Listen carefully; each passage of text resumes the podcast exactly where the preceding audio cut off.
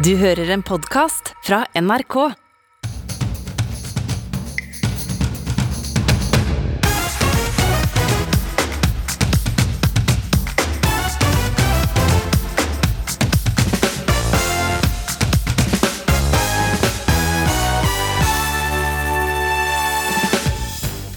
Den nye stortingspresidenten var ingen bølle som liten, skal vi tro den tidligere barneskolelæreren hans.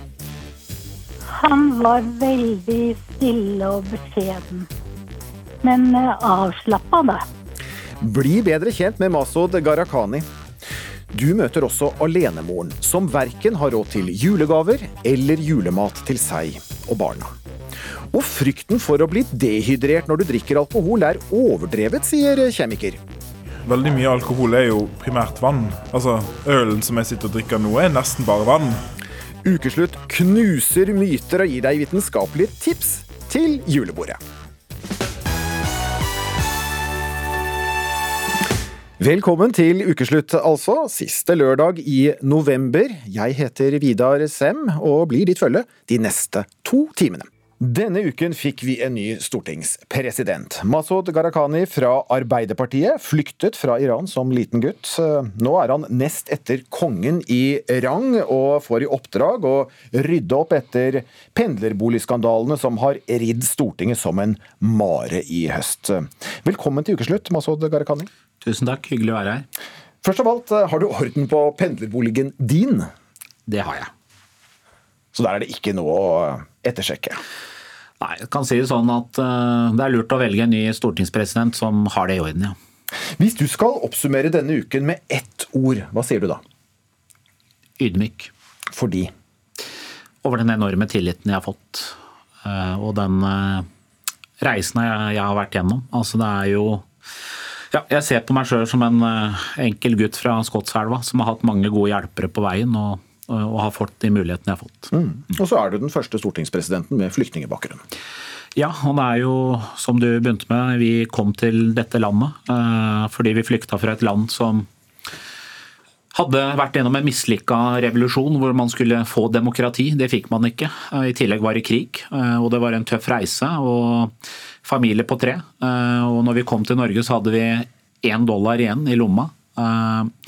Og min mor, jeg var jo overraska henne samme dag som jeg ble valgt som stortingspresident. Jeg merker selv at jeg ble veldig rørt, for da hadde hun 25-årsjubileum og hun fikk gullklokka, og hun er lærer. Min pappa jobber med integrering i en mellomstor norsk kommune, og deres sønn har blitt stortingspresident. Så det sier noe fantastisk om vårt demokrati og velferdsstat, der alle har muligheten til å delta uavhengig av hvor du er født og bakgrunnen du har. Mm. Men så har det også vært mye rot. Rene såpeserien. Jeg er naturlig nok nysgjerrig på hva som har foregått i de lukkede rom i forbindelse med at din forgjenger Eva Kristin Hansen trakk seg etter pendlerboligavsløringer. Og hva som skjedde rundt Sverre Myrli, som satt i presidentskapet, men ikke ble valgt til stortingspresident, og kalte prosessen et uverdig spill. Ja, Får jeg et godt svar på det fra deg? For det første så har jeg lyst til å si at det er mange diskusjoner nå. Det viktigste for meg er at jeg har fått tillit av det norske Stortinget, av alle partier, til å bli stortingspresident. Men jeg spurte om jeg fikk et godt svar på det spørsmålet. Svaret er at nå har Norge fått en stortingspresident som skal rydde opp og gjenvinne tilliten til Stortinget. Og det er vi helt avhengig av, fordi vi er til for å tjene norske folk. Du, Jeg regnet med at jeg ikke fikk et veldig spennende svar på, på det spørsmålet der. Også Apropos gode svar, Gharahkhani.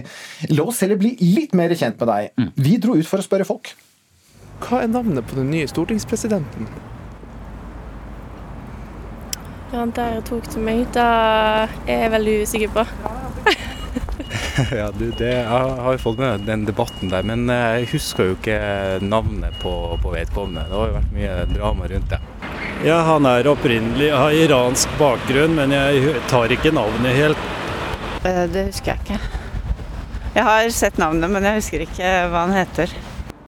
Ja, det var ikke så mange gode svar her, men vi har snakket med ei som har gode svar om deg og kjenner deg veldig godt fra du var liten, og som du har et helt spesielt forhold til. Din første lærer i Norge, Odny Brekken. Ukeslutt sin reporter Sara Victoria Rygg spurte Odny om hun noen gang tenkte tanken om at du kunne ende opp som stortingspresident.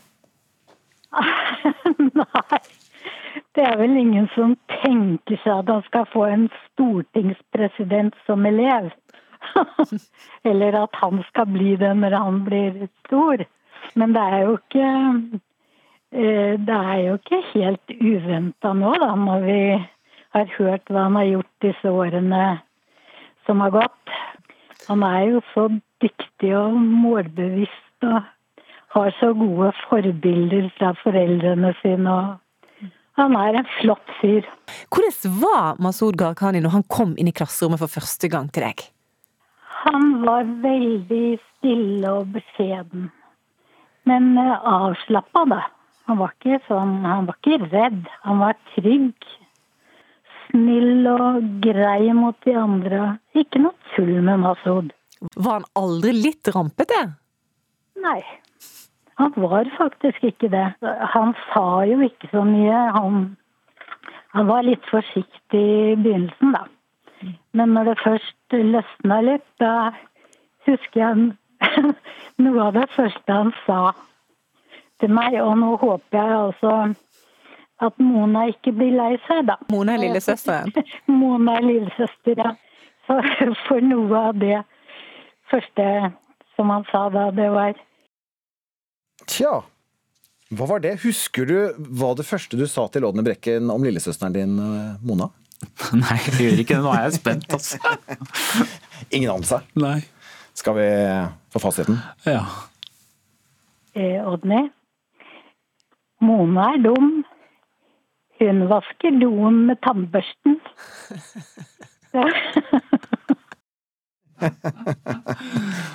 ja. Gode minner. Eh, Gode minner. Men uh, litt sånn søskenkjærlighet der gjennom oppveksten, men jeg er veldig glad i søstera mi, da. Veldig glad i søstera mi. Og, og din gamle lærer også. Og min gamle lærer Odny.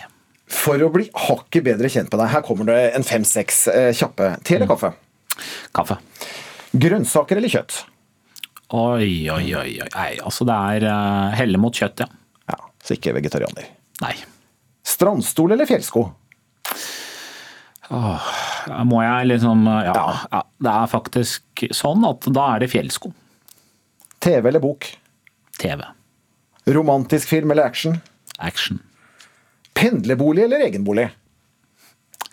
Helst mest mulig egenbolig, sånn at jeg kan være med familien. Og apropos bolig og, og pendlerbolig. Aftenposten skriver i dag at flere sentrale dokumenter om pendlerbolig er enten slettet eller på annen måte forsvunnet fra Stortingets eh, arkiver. Hvor alvorlig er det? Det er ganske eh, alvorlig og det er uakseptabelt. og Det viser at man ikke har hatt orden i sakene. og Dette må ryddes opp i. og Det er den beskjeden jeg ga til stortingsdirektøren og den oppryddingen vi nå er i gang med. Og så har jeg også sagt til... Ja, jo, også etter at Aftenposten har, har avslørt dette? Ja, altså jeg har gitt den beskjeden. og Jeg har også sagt... eh, Jeg har, jeg har snakket med stortingsdirektøren og sagt at... I dag? Jeg har snakket med stortingsdirektøren i dag, ja. Det har jeg gjort. Og jeg har sagt at her skal det ryddes opp. For oss så er det viktig at vi både har åpenhet med media, eh, innsyn i det man trenger å få, eh, og at vi rydder opp eh, raskest mulig. Mm. Og Dette kommer altså på toppen av avsløringer som har kommet i høst. At flere stortingspolitikere har fått gratis pendlerbolig som følge av mangelfull eller feilaktig rapportering til Stortingets administrasjon. Og politiet har altså åpnet etterforskning i sakene. Når tror du at du får orden i eget hus, altså Stortinget? Nei, altså Jeg er i gang med ryddejobben allerede. Altså Rett etter jeg ble valgt, så hadde jeg møte med presidentskapet, hadde møte med stortingsdirektøren, har kalt inn alle parlamentariske lederne. og det jeg har sagt, Vi skal ha åpenhet, vi skal ha ryddighet, vi skal ha, være utålmodige med fremdrift for kontrollmekanismer på plass. Stortinget skal være det Stortinget skal være. Det er å diskutere politikk, ikke det rotet eller kaoset vi har hatt den siste tiden. Og så får vi se hva som skjer. Eh, Helt på tampen så skal vi igjen høre din tidligere barneskolelærer Odny Brekken, og hva hun sier om din fremtid som stortingspresident. Han sitter i hvert fall lenger enn den forrige. Og han kommer til å bevise folk om at han er flink. Så han blir sittende lenge som stortingspresident? Ja, han Ja, det gjør han. Så lenge Ap har eh, makta, så sitter han. Det er i hvert fall sikkert. Ja, var det en god spådom fra din tidligere lærer? Det jeg har lyst til å si nå, det er egentlig at Odny og veldig mange andre eh, er de gode hjelperne jeg har hatt med meg i livet, som gjør at jeg har fått de mulighetene jeg har fått. Og takk til Odny og alle de flotte folka som har vært med på min reise. Og jeg håper jeg klarer å vise det norske folk at jeg kan være tilliten verdig. Og hun er god til å spå? Odny er god til å spå og flott dame. Masud Gharahkhani, takk for besøket, og lykke til i, i jobben og, og, opprydningen også, som uh, stortingspresident. Julebordsesongen er i gang for fullt, og mange skal kanskje ta igjen for de digitale festene vi ble utsatt for i fjor. Men hva skjer egentlig i kroppen din når du blir skeiv i skøyta, helt kanakas, eller har snust på slalåmflasken? Vår reporter Filip Johannesborg gir deg årets eh, vitenskapelige julebordsguide. Har du fått en bulk eller?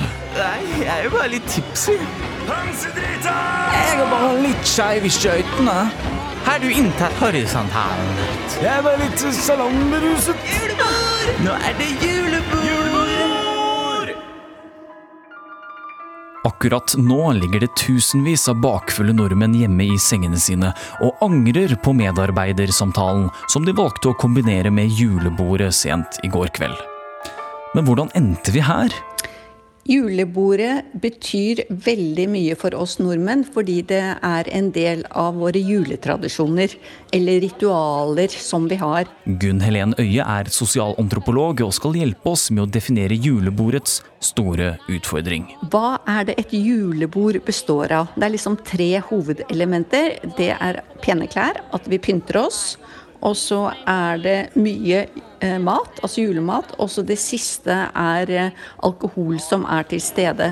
Og alkohol i seg sjøl, altså per se, er ikke problem. Det er bare mengden som utarter seg og blir problem eh, for flere. For hadde det ikke vært for alkoholen, ville julebordet gått så mye, mye bedre.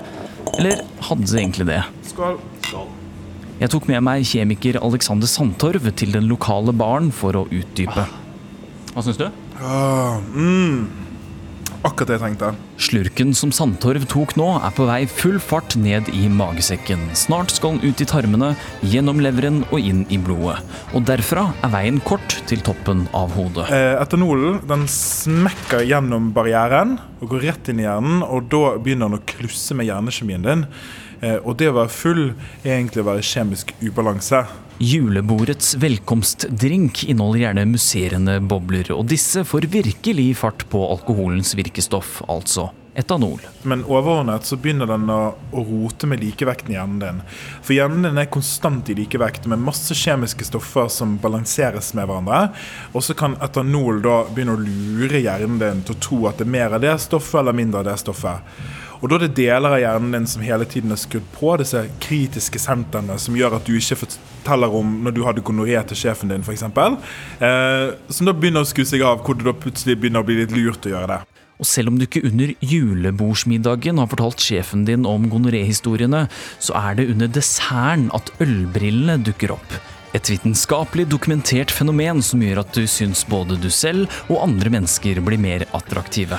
Um, og så finnes det òg noe som heter reversølbriller. Det er når, uh, når vi ser folk som har dukket. Så studien er som følger at en, en, gjeng med deltakere måtte vurdere to bilder av den samme personen. Det ene bildet var personen edru. Det andre bildet var personen ikke full, men hadde drukket en eller to enheter. Og da fant forskerne helt konsekvent at man blir vurdert som litt penere når man var litt full. Men etter fem til ja, tolv enheter så når du et punkt hvor det bikker over. Så den delen av hjernen vår som er kritisk, har begynt å sku seg av. Eh, og den delen av hjernen vår som er veldig god på å vurdere risiko og disse analytiske prosessene som vi gjør hele tiden, den har begynt å gå ad undas. Og det fører jo til at én, vi sier ting uten å tenke oss om. Eh, og to, vi er blitt veldig dårlige på å tenke konsekvens. Eh, og det fører jo til det som jeg tenker på som morsomt julebord, eh, men det kan òg føle til det som jeg kaller fylleangst. Og mens Sandtorv kalkulerer risikoen for fylleangst, så kan du jo vurdere hvor du er i julebordsløypa. Er du full, bedugget eller bare litt salongbrisen? Ja, jeg har jo blitt uh, veldig glad i bulk i spannet, f.eks. Um, som, jeg, som jeg liker godt. Og som ikke har vært så mye i bruk, men som jeg tror kanskje det er mulig å prøve å relansere. Ole Marius Hylland har skrevet Norsk fylleordbok. Og trenger du en passelig beskrivelse av deg selv i alkoholpåvirket tilstand, så slår du opp i den. Skal vi se, se her, ja. Ja, Kanskje er du utsatt for en grøfteflørt? Ja, altså Grøfteflørt er jo, eller grøftefyll, eller grøftedritings eller grøftedrita. Eh, alt dette er jo på en måte eh, Det er jo en slags eh, beskrivelse av hvor man potensielt kan havne når man er tungt, tungt full. Akutt kneråte kan også være beskrivende på ganglaget. Eller hva med lagt på lake? Og lagt på lake er jo på en måte kanskje i, i, i slekt med det å være marinert, eller være i full oppløsning, eller være sylta. Så på en måte er beskrivelse av det som skjer når du blir, eh, blir eh, sterkt påvirka av noe fuktig. da. Uansett, hvis du vil unngå å bli helt pærings, så har kjemiker Sandtorv tipsene klare. Det viktigste med maten er at den eh, går gjennom magen. Eh, og vi vet jo at alkoholens ferd går gjennom magen. Så jo mer mat det er i magen din, jo langsommere stiger promillen din. Ja ja, men alle vet jo at man skal spise, og drikke masse vann, så klart. Eller Du, um, det er en veldig overdrevet ting. Veldig mye alkohol er jo primært vann. Altså, Ølen som jeg sitter og drikker nå, er nesten bare vann. Jeg har vært veldig ofte på fest eh, hvor folk eh, desperat drikker vann som kameler, liksom. Eh, og det er faktisk helt unødvendig. Drikk vann hvis du er tørst. Lykkepromillen er visst bare noe vi selv har funnet på, og allergipiller ja, de hjelper først og fremst mot allergi. Så hva skal til da for å få til et godt julebord? Da tenker jeg vi må definere godt. Eh, hvis godt er at ikke du blir bakfull, så betyr det at du må drikke lite. Eh, at du må eh, sørge for at promillen din ikke stiger veldig høyt, og at ikke du må ligge deg på økende promille. Hvis godt betyr gøy, eh, så drikk i vei. Nå er det julebord! Ja, så får vi se da hvor mange i år som får delta i julebordets gleder og utfordringer, for eh, flere bedrifter her i landet har nå bestemt seg for å avlyse eller utsette årets julebord pga. Av økende koronasmitte. Denne uken ble listen med utrydningstruede arter oppdatert av Artsdatabanken. Og rødlisten har fått flere nykommere, som villaksen og villreinen. Årsaken er bl.a. klimaendringer og arealutbygging. Men det er ikke bare dyrearter som gjør sin første inntreden på listen, også planter. Og reporter Iris Andradottir, du har tatt turen til Botanisk hage i Oslo og et rødlistebed. Det er novemberkaldt. Hva befinner seg der nå? Ja, Vidar, det er eh, novemberkaldt. Det er veldig kaldt i lufta, og for første gang på lenge så så jeg faktisk frost på gata. Um, og her foran rødlistebedet så er det en del planter som er uh, separert i betongbed og eh, et annet bed. Og Grunnen til det er rett og slett fordi halvparten av disse plantene skal ikke komme ut i norsk natur. Men de er jo så klart alle visna nå. Eh, bak meg i veksthuset derimot så er det masse planter og mye som spirer. Eh, jeg står jo her foran rødlistebedet sammen med Kristina Bjurekke, og du er botaniker. Eh, hvordan eh, var det for deg å få den nye rødlista i fanget? Det var ingen sjokk. Jeg visste jo om at det skulle komme inn nye arter. Det var kanskje enda flere enn hva jeg hadde ant. Men eh, med tanke på hvor mye natur som bygges ned, så var det ingen overraskelse at mange nye arter kom inn. Ikke sant? Og det er jo nok av arter og planter på den lista som vi kunne ha snakket om i dag. Men jeg valgte jo å ta med meg en krukke. Den er full av ramsløk, og som er en av mine favoritt-urteplanter. Eh, Den eh, fant jeg ut at dessverre er nært truet. Hva betyr det? Altså Du kan tenke på at norsk rødliste, da har du ordet rød. Det er litt som en rød stoppesignal. Så at noen er nær truet, da er det en liten rød varsellampe. Og så er det noen som er kritisk truede, da er det sterk rød varselsignal. Og ramsløk, om du er langt vekk fra byene, så er det ingen fare enda. Men i de urbane strøkene, og du tenker deg her rundt omkring Oslo, du tenker rundt Stavanger og så, der har altfor mye folk gått ut. Og de har ikke bare nappet ett lite blad her og ett lite blad der for å gjøre sin pesto. De har kommet ut med spade. De har liksom gjort rovdrift på den. Så det er derfor man gjør dette som en varsel. Og er det sånn at man skal rett og slett slutte å spise ramsløk og ta den? Man kan si det på to måter.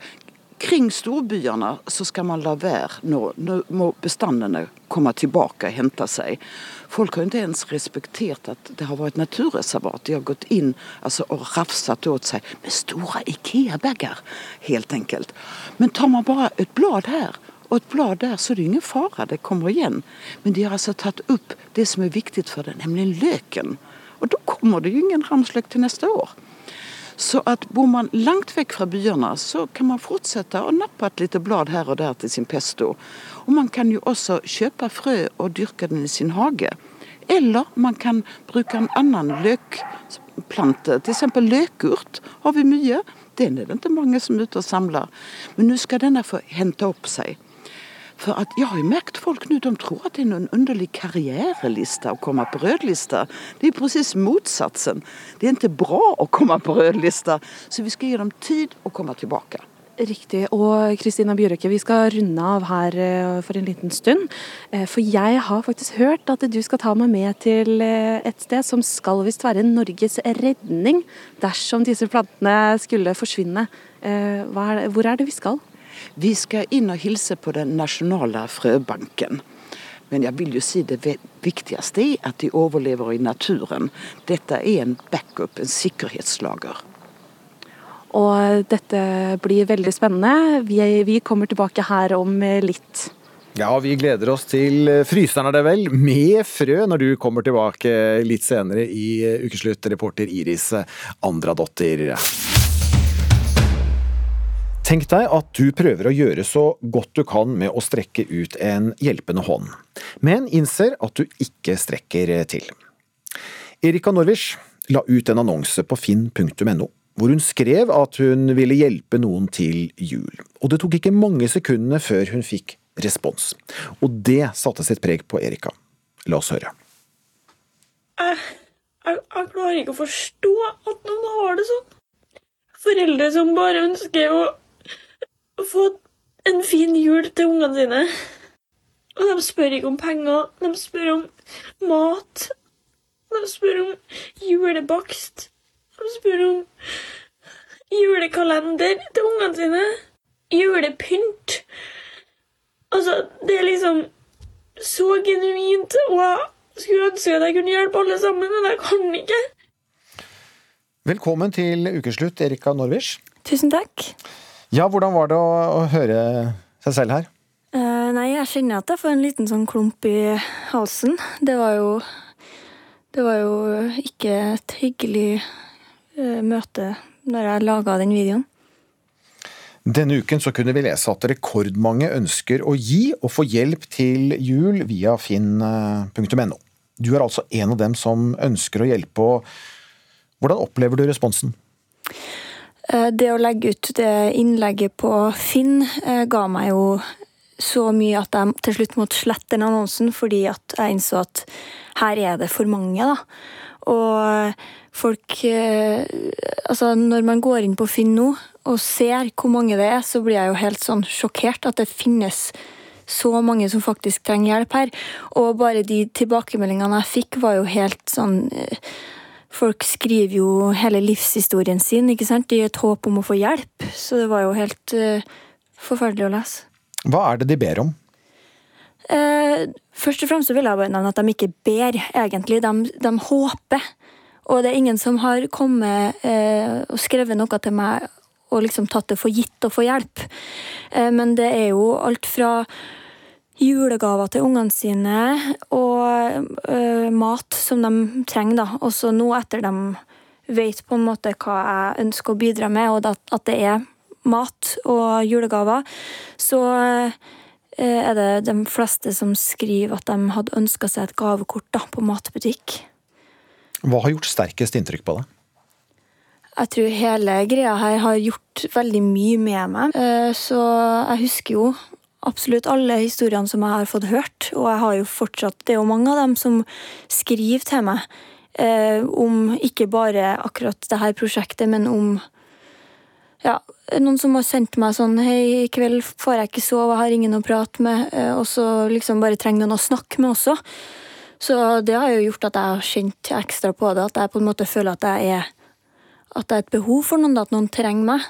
Hva kan du bidra med?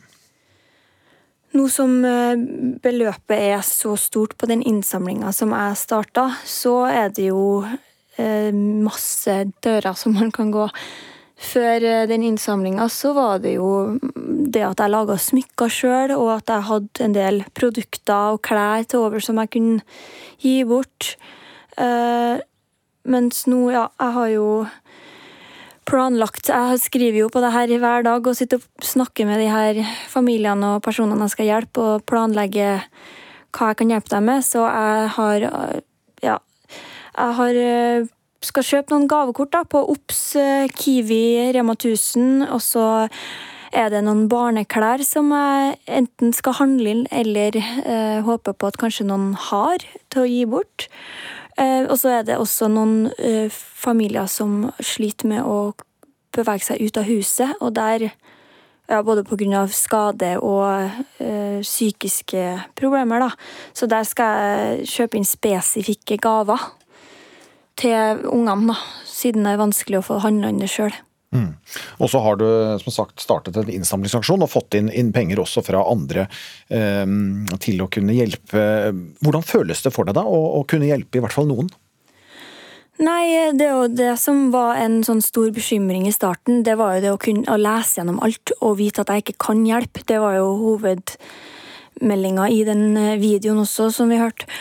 Og nå, når jeg får alle de henvendelsene på alt fra mail til ja, gjennom Finn og på melding på Facebook, overalt, så leser jeg det jo, og jeg blir jo lei meg, men samtidig så vet jeg at nå kan jeg hjelpe dem. Hva gir det deg? Du vet, når man føler seg litt ensom sjøl og sitter hjemme og liksom leter etter noe som gir deg glede, da, så har jo det her gitt meg en stor glede i hverdagen bare nå de siste uka. Fordi det er jo sånn for meg en glede å kunne glede andre, da. Takk for at du ble med oss her i Ukeslutt, Erika Norwisch, eh, som altså har tilbudt seg å hjelpe folk som trenger hjelp eh, til jul. I morgen er det første advent, og vi går inn i en tid der eh, de fleste av oss bruker ekstra med penger til julekalendere, julepynt, julemat og julegaver. NHO anslår at eh, hver av oss vil bruke rundt 11 500 kroner på dette i desember. Men hva om du ikke har råd? Her i studio har jeg fått besøk av en alenemor som vi har valgt å kalle Sara. Hun ønsker ikke å stå frem med sitt egentlige navn fordi det er for belastende. Velkommen til ukeslutt. Du er uføretrygdet og er alene med to barn på seks og tolv år. Mm. Hvordan ser du for deg adventstiden og, og juletiden vi nå går inn i? Jeg ser på det som en eh, økonomisk krise. Eh, da man ikke har råd til alt. Eh, man ikke kan gi alt det man ønsker å gi til barna. Man syns det er en utfordring. Hva med julegaver og julemat til deg, barna? Ja, det, det blir ikke akkurat som, som, alle andre, nei. Det blir faktisk veldig enkle måltider. Um, og det blir ikke noe sånn fancy eller uh, stort. Um, bare helt enkelt, nesten som en vanlig hverdag. Mm. Hva med adventskalender? Adventskalender har jeg faktisk aldri uh, fått lagd, fordi det blir jo liksom som julepakker, ikke sant. Og det, det går jo masse økonomiske penger til det, og det har jeg faktisk ikke gjort. Det har alltid vært en sånn 10 kroners eller 14 kroners eh, kalender. Sånn sjokoladekalender, da. Veldig enkel. Du har også en sønn på mm. drøyt seks år og en datter på tolv. Mm. Hvordan tar de det? Nei eh, De tar det veldig eh, vanskelig, fordi de ønsker seg alt det alle andre ønsker seg. Går inn og maser om at de vil ha det og det og det, og det, og så må jeg da bare si nei, nei, nei. Fordi at det koster så mye. Så, så lett tar de ikke det. Nei, hva sier, de? hva sier barna da? Nei, de sier det er urettferdig. Hvorfor får ikke vi sånn som de andre? Hvorfor skal vi eh, få veldig eh, billige ting? Eh, og bare én. Eller noen ganger så er det én eller to. Ikke sant? Mens andre har masse julegaver under treet og, og gleder seg til å åpne julepakkene. Og, og kanskje særlig for din eh, tolvår- tolvåring, eh, er- som kanskje sammenligner seg veldig med, med andre. Eldste tar det veldig hardt fordi eh, hun, hun, er veldig, hun er blitt litt større og ønsker seg mer ting som koster. Sånn som nå så maser om å få en eh, juicy-bukse til eh, 1200 eller mer. Noe jeg ikke kan faktisk legge ut i det hele tatt. Hun går på en skole hvor det er press på mote og, og hvor folk har veldig høye nivå, da. Så det er en eh, stor belastning og press.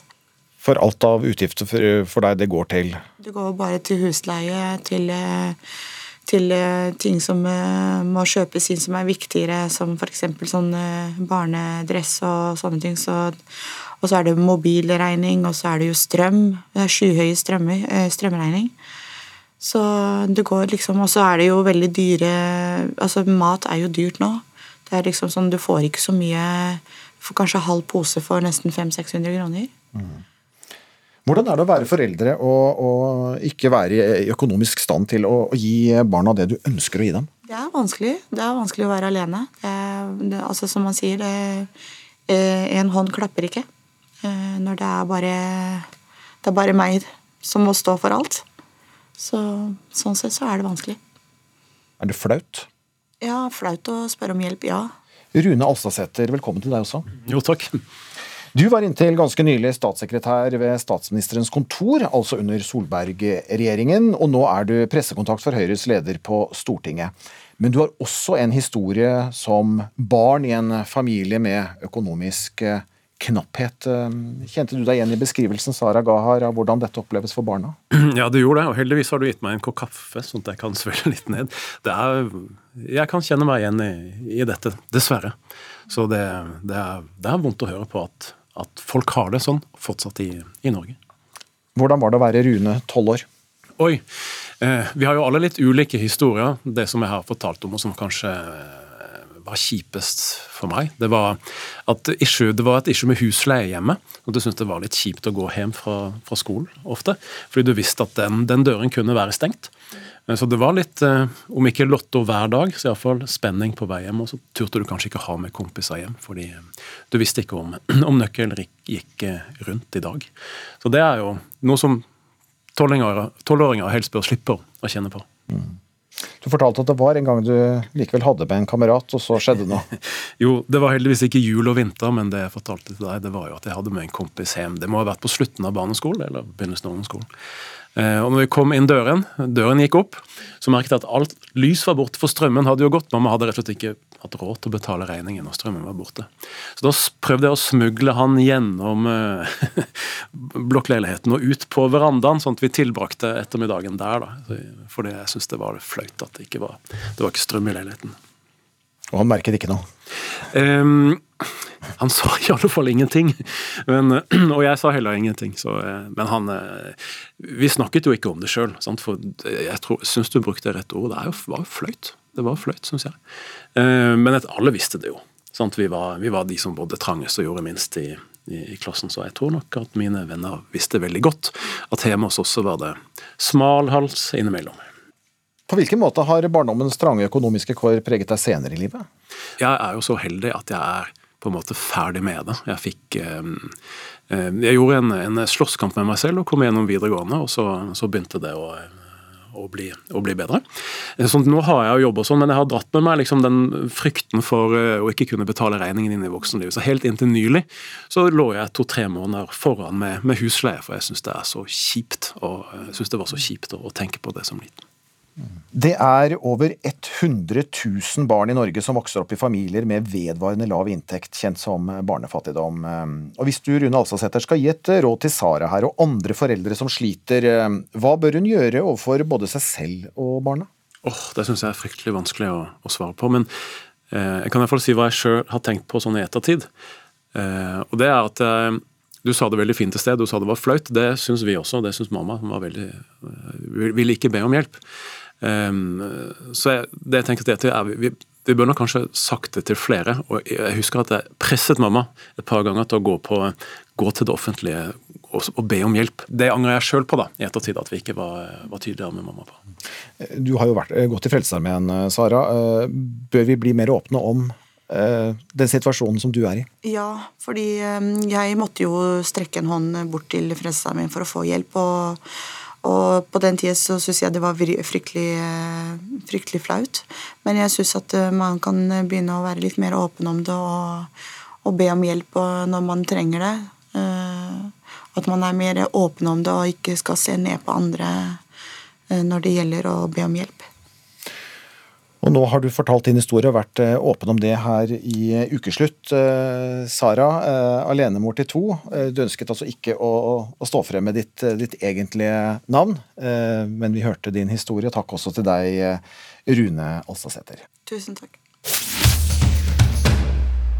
Nå skal vi tilbake til Botanisk hage i Oslo. Tidligere i sendingen så lærte vi om den nært truede ramsløken. Den har nemlig havnet på rødliste for første gang pga. litt for ivrige sankere, særlig i storbyene. Rødlisten ble tidligere denne uken oppdatert for første gang siden 2015. Men nå, reporter Iris Andradottir, så står du ved det som kan være redningen hvis planter i Norge skulle dø. Ja, det gjør jeg. Kristina Bjurke, botaniker, har tatt meg med til et eh, gammelt hus eh, hvor alt skjer. Eh, her står vi altså foran en fryser som skulle vise seg å være Norges redning. Kristina Bjurke, hva slags fryser er det her? Jeg har tatt deg med inn på vårt frøkontor, og her har vi frø fra hele Norge. Frø av disse rødlistartene. Og denne fryseren her, det er da Norges nasjonale frøbank. Så der skal vi prøve å oppbevare frø av disse truede artene. Vil du se hvordan det ser ut? Og gjerne. Og for de som eh, er her og lytter og ikke ser, så er det her egentlig bare et stort kjøleskap som jo er en fryser. Og her inne, når vi samler frøene ut i naturen, så kan vi samle dem i papirposer, hva som helst. Men så må vi rense dem, og så må vi tørke dem. De skal bli kjempetørre. Og så overfører vi dem i folieposer. For hvordan er det i en fryser hjemme hos deg? Er det ikke så at du må froste av den iblant? Ja, den må jeg froste av Ja. ganske ofte. Så her inne i disse sveisede posene så er det bare 10% fuktighet. Så da kan frøene overleve lenge. Og så vet vi jo ikke hvor lenge de kan overleve. Så at dermed hvert tiende år så må vi teste dem. Det er det som heter spiredyktighet. Og eh, den her eh, fryseren har jo en del skuffer, og jeg ser jo at eh, et av de eldste årstallene her er jo 1998, selv om prosjektet startet da i 2009. Eh, Hvor lenge er det de kan overleve, egentlig? Det vet vi ikke. Vi vet jo at noen arter, som f.eks. bullmurt, kan bli over 300 år liggende nede i jorden, altså fryses på vinteren ute i naturen. Men flere av disse har aldri blitt testet tidligere. Så jeg vil jo ikke si noe egentlig, men det var i hvert fall lettere for oss her i Skandinavia å jobbe med frøbank, for at våre arter er vant til en norsk vinter. Ha en nasjonal frøbank i Brasil ikke helt lett, for da skal jo frøene egentlig spire direkte i disse tropiske områdene. Men vil du se hvordan det går til når man skal teste dem? Ja, la oss se den. Og mens vi ser på det her, så kan jo det også svare meg. Eh, Det er sikkert mange som lurer på, eh, og mange som har kjennskap til denne frøbanken på Svalbard. Hva er egentlig forskjellen? Her har du da truede norske arter. Det er de som er med på norsk rødliste. Ville arter. Men det er en nasjonal frøbank, kun for oss i Norge. Men den som er på Svalbard, det er en internasjonal frøbank. Og den er ikke for de ville plantene vi har her, det er for alle verdens kulturplanter. Så da har du ris, hirse, durra, bete, rug, ulike typer gress, fòrarter, bomull, lin, alt sånt. Som er på noen måte en sikkerhet for vår matforsyning, og ja, at vi kan få bomullstøy i fortsetningen. Men det er ikke de ville rødlistede artene. Og her foran oss så har du en liten, liten krukke med litt sånn spirer. Eh, Hva er det vi egentlig ser her? Du, nå har vi åpnet en inkubator, og da har vi eh, setter inn eh, planter her, eller frø, mener jeg. Og Da er de på ager, og så skal vi se om de spirer. Dette viser seg å være frø da, som har klart seg ytterlig bra, så de spirer fint. Andre må vi da teste andre temperaturer, kanskje mm, litt sandpapir og så på dem, en liten skalpell for å få dem til å spire. Og Da vet vi at den arten kan klare seg i eh, sånn frøbank. Og det er jo veldig veldig godt å vite nå som vi har fått eh, en oppdatert rødliste. Og selv om den kan være en tung lesning, så er det jo klart for eh, både meg og lytterne våre at eh, Kristine Bjurekke, botaniker, du har jo full peiling, full kontroll. Og her er det hundrevis av frø som ja, kanskje kommer til å bli utryddet, men vi har redningen. Ja, Så får vi håpe da at frøene faktisk forblir i, i, i, fryseren. Takk til dere fra Botanisk hage i Oslo, reporter Iris Andradotter og botaniker Kristina Bjurekke. Arbeiderpartiet er inne i en ja, hard høst. Seks uker inn i regjeringsperioden så ris det nå av den ene konflikten og avsløring etter den andre. Vi inviterte statsminister Jonas Gahr Støre hit for å høre hva han tenker nå, men eh, han hadde ikke anledning. Men vi har eh, andre her i Ukesluttstudio. Først et kort tilbakeblikk på hvordan Jonas og Arbeiderpartiet hadde det for noen år siden. Arbeiderpartileder Jonas Gahr Støre sier han tar meningsmålingen som gir dem eh, en oppslutning på over 40% som en stor inspirasjon. Han er deltakende, observerende i noen av verdens viktigste politiske saker. 51 år gamle Super-Jonas. Ja, og Super-Jonas var altså kallenavnet i 2014. Eirik Mosveen, politisk redaktør i Avisa Oslo. Vi spoler litt lenger tilbake i tid, for som journalist så la du merke til Støre allerede i 1987. Hva så du? Nei, Jeg var jo en uh, ung mann som satt og så på TV, og så kom det en fyr på 27 uh, som uttalte seg med den største autoritet og suffisanse om alle verdens spørsmål. Og noe sånt hadde jeg aldri sett før, og jeg tenkte at uh, han fyren her, han må vi trolig slite med lenge. Han er noe helt spesielt ved. Mm. Kommentator i Dagsavisen Hege Ulstein, hva var ditt Første møte med Jonas Gahr Støre? Ja, det var et møte med et bilde av Jonas Gahr Støre. Jeg gikk på Berg videregående skole, og det var ikke alltid jeg oppførte meg like bra. og Da ble jeg kalt inn til inspektørens kontor, og der hadde hun et bilde av en ung mann i russelue hengende på, på, på veggen. og Det pleide hun å peke på, og så sa hun Hege, det du har gjort nå, det ville Jonas aldri ha gjort. Og det var da Jonas Gahr Støre, som jeg ikke ante hvem var, men som jeg fikk eh, bedre kjennskap til etter hvert. Ja, og han eh, ble altså eh, partileder i 2014, uten å ha gått partiveien som hans forgjengere. Han var ingen AUF-er, men en høyremann som senere meldte seg inn i Arbeiderpartiet. Ble altså Super-Jonas Erik Mosveen med rette? Ja, eh, han ble jo det den gangen. Eh, jeg jobba da i VG, og vi hadde bl.a. en tittel som het eh, Super-Jonas kolon, ikke kall meg Super-Jonas. Og, og, det fikk vi ikke engang kritikk for den gangen, fordi det var, det var selvinnlysende, på en måte. Men det store men, hvor har det blitt av Super-Jonas? Hege Ulstein, i dag så har du en kommentar i Dagsavisen med tittelen Black Week med, med, Jonas. Og du sier det er vondt å observere både partiet og statsministrene nå. Hva tenker du på? Da, torsdag klokka tolv var det jo helt på minuttet seks uker siden han kom ut på Slottsplassen eh, med sin nye regjering. Og normalt sett så er det jo sånn at disse første ukene er gode uker for et nytt mannskap. De får vist seg fram, og det var planen denne gangen også. At man skulle peke ut retningen for Norge, hva man ville få til, hva er det politiske prosjektet. Og det har han ikke hatt muligheten til. Det har vært store problemer på alle kanter.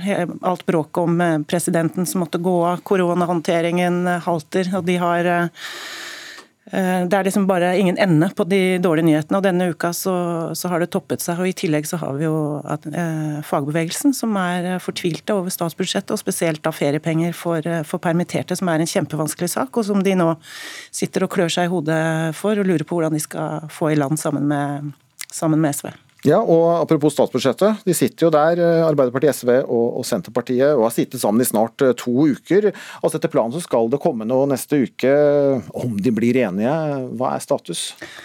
Altså jeg øh, syns jeg ser et, en kontur av at Senterpartiet har fått for mye, eller altså at det er de som har grep om eh, statsbudsjettet. Det er de som har hatt grep om statsbudsjettet egentlig helt fra starten av. For hvis du ser, så hva de la fram i den tilleggsproposisjonen, så var det den største satsingen var jo 3 milliarder kroner til eh, redusert elavgift, mens de veldig, veldig viktige løftene til Arbeiderpartiet de ble ikke innfridd. Mm. Denne uken så kritiserte Arbeiderpartiets Trond Giske eget parti for nettopp eh, budsjettet. Han mente at Arbeiderpartiet hadde unnlatt å holde viktige valgkampløfter som brillestøtten til barn, penger til tannlege og feriepenger til folk som mistet eh, jobbene sine under koronakrisen. Vi kan høre hva Giske sa. Når de aller viktigste tingene som vi har lovt å gjennomføre med en gang, ikke gjøres, og det kan hende hva vet jeg, at man har spekulert i at ja, ja, SV skal ha sine milliarder, så dette blir ordna i Stortinget. Og det kan godt hende at det blir ordna i Stortinget. Men da er det jo ikke Arbeiderpartiet som har gått inn og ordna det. Da er det SV som har ordna det. Og det mener jeg er veldig ustrategisk av vårt parti. Og Eirik Mosveen i uh, Avisa Oslo, hva skjedde her? Nei, det jo, kom jo som en overraskelse på de aller, aller fleste at Trond Giske rett og slett kom på Debatten i NRK og eh, klinka til eh, mot regjeringen og regjeringsledelsen akkurat der det gjør vondest, mm. og der det er vanskeligst. Eh, og han har en slags resonansbunn i dette, fordi LO støtter jo de fleste av disse kravene og har gått ut med samme kritikk, så det får jo regjeringsledelsen ved Støre særlig til å se temmelig hjelpeløse ut. Mm. Er det å undergrave sin partileder? Det er ikke opp til meg å karakterisere, men jeg vil jo tro at Jonas Gahr Støre opplever det sånn.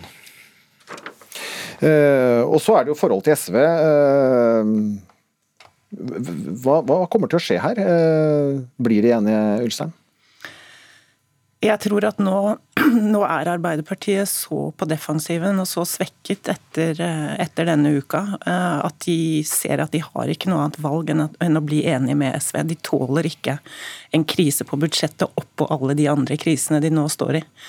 Så hvis du hadde spurt meg for en uke siden, eller for ti dager siden, så tror jeg kanskje at de hadde vært mer tilbøyelige til å si at, eh, at det kunne bli brudd i disse forhandlingene. Men, men, sånn som det ligger nå, så tenker jeg at det, det kan de ikke tåle. Nei, er det noe alternativ? Nei, det er jo for så vidt ikke det. Jeg deler uh, Hege Ulsteins oppfatning av dette. At uh, jeg tror uh, det er en fordel for dynamikken da, og en fordel for SV at de har, Arbeiderpartiet har latt seg tillatt seg å bli så mørna som de har blitt nå. Mm. Eh, Mosheim, du, du, sa jo at du var ja, skal vi si, imponert eh, over Støres evner eh, tidligere. Hva mener du han bør bruke sin kapasitet til nå? Nei, han eh, Altså, det som på en måte er slående nå, er jo en opplevelse av en mangel på å ta eh, styring og eh, kontroll, og fortelle på en måte både internt i sitt eget parti, men også regjeringen og i forhold til Stortinget, hvem det er som på en måte er statsministeren i Norge. Eh, det har han ikke vært i nærheten av, og han fikk en veldig dårlig start i Hurdal ved at det var hans alternativ, som var en trepartiregjering. Eh, det var det som hadde fått flertall av eh, velgerne. Det var likevel Senterpartiets løsning som ble valgt. Og det var en Hurdalsplattform som var ganske lite ambisiøs i forhold til hvordan disse partiene har vært de siste årene. Vi snakket om Super-Jonas fra 2014. Hvordan skal Jonas, eh, eller Super-Jonas finne tilbake til seg selv, Gullstein? Jeg har akkurat gitt ut en eh, biografi om Martin Kolberg, og der syns jeg han har en veldig interessant observasjon. Han har jo jobbet med Jonas og omtrent alt som kan krype og gå av topper i Arbeiderpartiet, og han begynte som rådgiver for Gro Harlem Brundtland på begynnelsen av 80-tallet.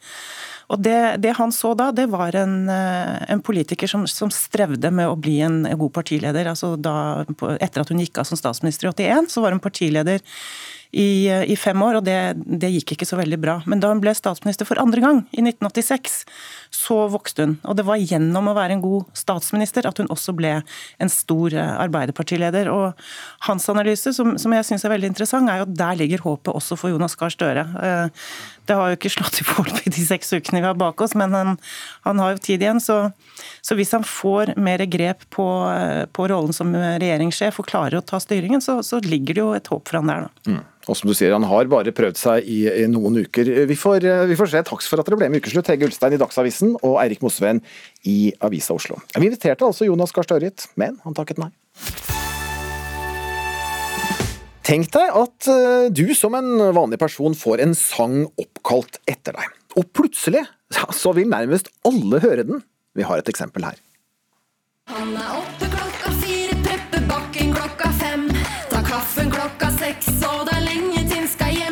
hjem. Tørker støvler, tråkker, ting gjør seg ikke sjæl.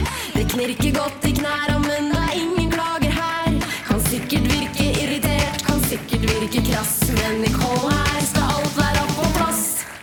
Det er Ludvig Dahl.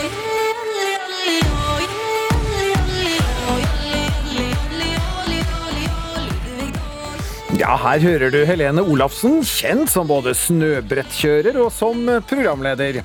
Sammen med fem andre kjendiser så konkurrerer hun om å lage Norges nye megahit i et program som nå går på TV2 på lørdager. Helene har sammen med blant andre artisten Staysman laget denne sangen om Ludvig da, og sangen fikk flest stemmer forrige lørdag. Men ikke nok med det. Denne uken så topper den på Spotify med over 200 000 daglige avspillinger på det meste, og har med det slått etablerte artister som Adele, Ed Sheeran og Astrid S. Velkommen til ukeslutt, Helene Olafsen og Ludvig Daa. Tusen takk. Ludvig, jeg må bare spørre deg først. Hvordan er det å ha en sang oppkalt etter seg som så mange digger om dagen? Helt absurd. Det Ha- hadde du aldri trodd? Nei, det hadde jeg selvsagt aldri trodd. Jeg fikk jo en forespørsel om eh, jeg kunne være med og være liksom eh, som en arbeidstittel to og to i heisen, og tenkte ja, det dette blir jo moro, så det, det kan hun få lov til. Men at det skulle ta av sånn som det gjør nå, og så at arbeidstittelen ble gjort om til Ludvig da, det hadde jeg jo ingen aning om. Helene Olofsen sitter her og, og, og, og smiler og, ler, eh, selvfølgelig glad over eh, det som har, har skjedd her. Altså, det er jo du som har skrevet sangen om, eh, om en mann som styrer en skibakke nær Oslo. Og for de som ikke har fått det med seg, hvorfor en sang om Ludvig da? Nei, altså vi, vi får et tema utdelt hver gang, og da forrige gang så var det da sterke meninger som var tema. Og så saumfart er liksom først mitt eget hode. Hvilke sterke meninger er det jeg brenner for? Men så fikk jeg liksom ikke fot for noe, så begynte jeg å tenke på folk jeg har møtt eh, med sterke meninger, og da var veien kvart da, vet du, til eh, Ludvig da. Han var jo en stor del av, eh, av barndommen min i Ingjerdkollen, eh, og jeg har fått mye kjeft av Ludvig. Første gang jeg møtte han, så kalte han meg for en gutt. Det har ikke du hørt før, det husker sikkert ikke du. Men, og tvang meg på heisen med en eller annen voksen alpinist. Og den, altså Ingjerdkollen er veldig kort, men den er fryktelig bratt. Så det er et manndomsprøve både opp og ned. Eh, Og det å være en seks år gammel snowboarder i det trekket der, eh, i henget der, med en voksen mann, det tok på det, altså. Eh, Så det var oppdragelse fra første dag. Og det av at jeg fikk deg med den heisen med en voksen mann, så kom du opp. Hadde, hadde du kjørt alene, så hadde du falt av. Så- sannsynlig. Ja. Ja. Og det kaller vi sterke meninger. uh, ja, altså, Hvorfor slår dette an, tror du, Helene? Jeg tror eh, det har mye med Ludvig å gjøre, da. At, eh, at Ludvig er på en måte eksempelet. eh, Og så finnes det flere eh, som Ludvig. Alle, kjenner, alle har en Ludvig. Alle kjenner litt typen. Som er som den ildsjelen som kanskje kjefter litt og er litt grov og brå, men som gjør det med hjertet. da. Og du ser liksom hvordan de står på hver dag, og hva som ligger bak. fordi Inga Kollen var alltid strøken, liksom. Det skal egentlig ikke være skisenter på, i, Kolbotn. Forhold, ingen forhold ligger til rette for det. Eh, og det er bikkjekald altså, Jeg hadde også vært litt forbanna tror jeg, hvis jeg måtte stått der på julaften liksom, i 25 minus og, og holdt heisen oppe for tre pers. Ja, Det er like koselig hvert Ja, år det- for de som jeg kommer. jeg vet det, er det koseligste. Det er min juletradisjon. Så, men det er man blir jo glad i fyren, ikke sant? Og så ble det en låt med, med fyren. Eh, altså, om fyren. Altså Ludvig da. Eh, det var jo ikke da eh, tenkt som arbeidstittel. Er, er det nå greit at de har brukt navnet ditt som Ja, i høy grad. i høy grad, For jeg var redd for å bli karikert. For det Helene snakker om, det er jo en, ja, en grad av sannhet i det, skal vi si det sånn. da. Men, men, men det er jo så mye mer eh, enn det. Og det er jo en årsak, det er jo en grunn til at jeg er streng. Hva slags tilbakemeldinger har du fått eh, etter at eh, denne låta altså har blitt spilt hundretusener av ganger altså på, på Spotify? Nei, Det er veldig morsomt. Det er alt fra at dette her er bare hysterisk morsomt, til at folk har faktisk ringt meg og sagt at de har fått tårer i øynene og blitt rørt. Eh, og syns at det er så flott at eh, Ingjerdkollen og det arbeidet jeg har gjort, er blitt løftet frem på den måten. Og det var litt av det jeg snakket om i stad, jeg var redd for å bli karikert, men det er jo nærmest blitt et sånt der, eh, hyldningskvad. Og det syns jo jeg er moro. det jeg ville jo at det skulle være en hyllest. altså Nettopp ved å på en måte prøve å skildre hele mennesket. da. Så tror jeg det også treffer å gå hjem. Du har blitt uh, kjendis her nå. Det kan nesten se sånn ut. Det det er i tilfelle ikke så vanskelig å bli kjendis i Norge, da. Folk har spurt om selfie allerede? Eh, Ja, jeg har eh, fått tatt en selfie i dag. Du må printe opp mer merch, ser jeg, for den Ingjerdkollen T-skjorta den har fått seg litt sånn flekker Ja, i men jeg skulle på radio, ikke på TV. Jeg spiste kebab på vei hit, og det blir sånn! Ja, og, og, og Helene, det her kan jo bli, bli mer på. Da blir det, blir det afterski og rundt omkring på norske skisportsteder for å, å underholde med denne her eh, vinteren? Jeg har ikke lagt så veldig lang, altså, langsiktige planer ennå, men jeg har faktisk blitt bedt om å spille på et par gigs allerede. Har du? Ja, jeg har det. Eh, Så eh, jeg har ikke helt bestemt meg, men jeg tenker at jeg bare får kjøre på. Jeg. Det er jo gøy dette her, å leve litt sånn popstjerneliv for en uke eller to. Kjøre på. Låta har altså blitt strømmet på Spotify veldig veldig mange ganger denne uken. Takk for at dere ble med i Ukeslutt, Helene Olafsen og Ludvig Taa. Og med dere på vei ut så spiller vi rett og slett hele låta i sin fulle lengde her i Ukeslutt. Takk for oss. Takk.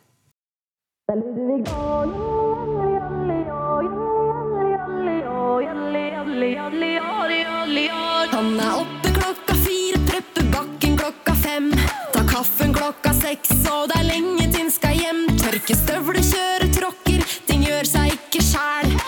Knirker godt i knæra, men det er ingen klager her. Kan sikkert virke irritert, kan sikkert virke krass, men i kollen her skal alt være på plass. Det er Ludvig Daa.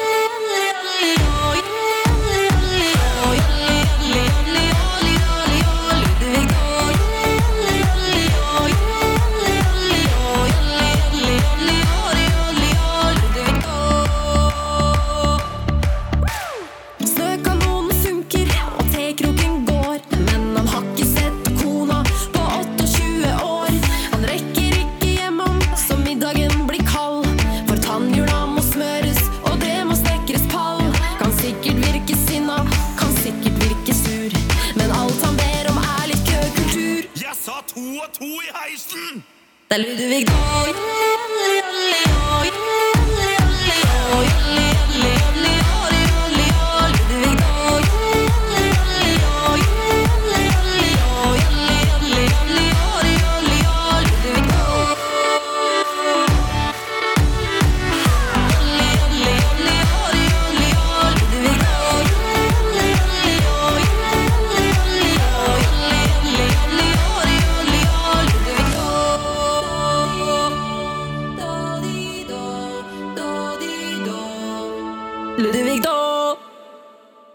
Helene Olafsen med Ludvig Daa her i Ukeslutt. Ansvarlig for sendingen det er Kristine Alstad, teknisk ansvarlig Jens Jørgen Dammerud. Jeg heter Vidar Sem. Etter oss kommer Pils. Ha en riktig god helg. Du har hørt en podkast fra NRK. De nyeste episodene hører du først i appen NRK Radio.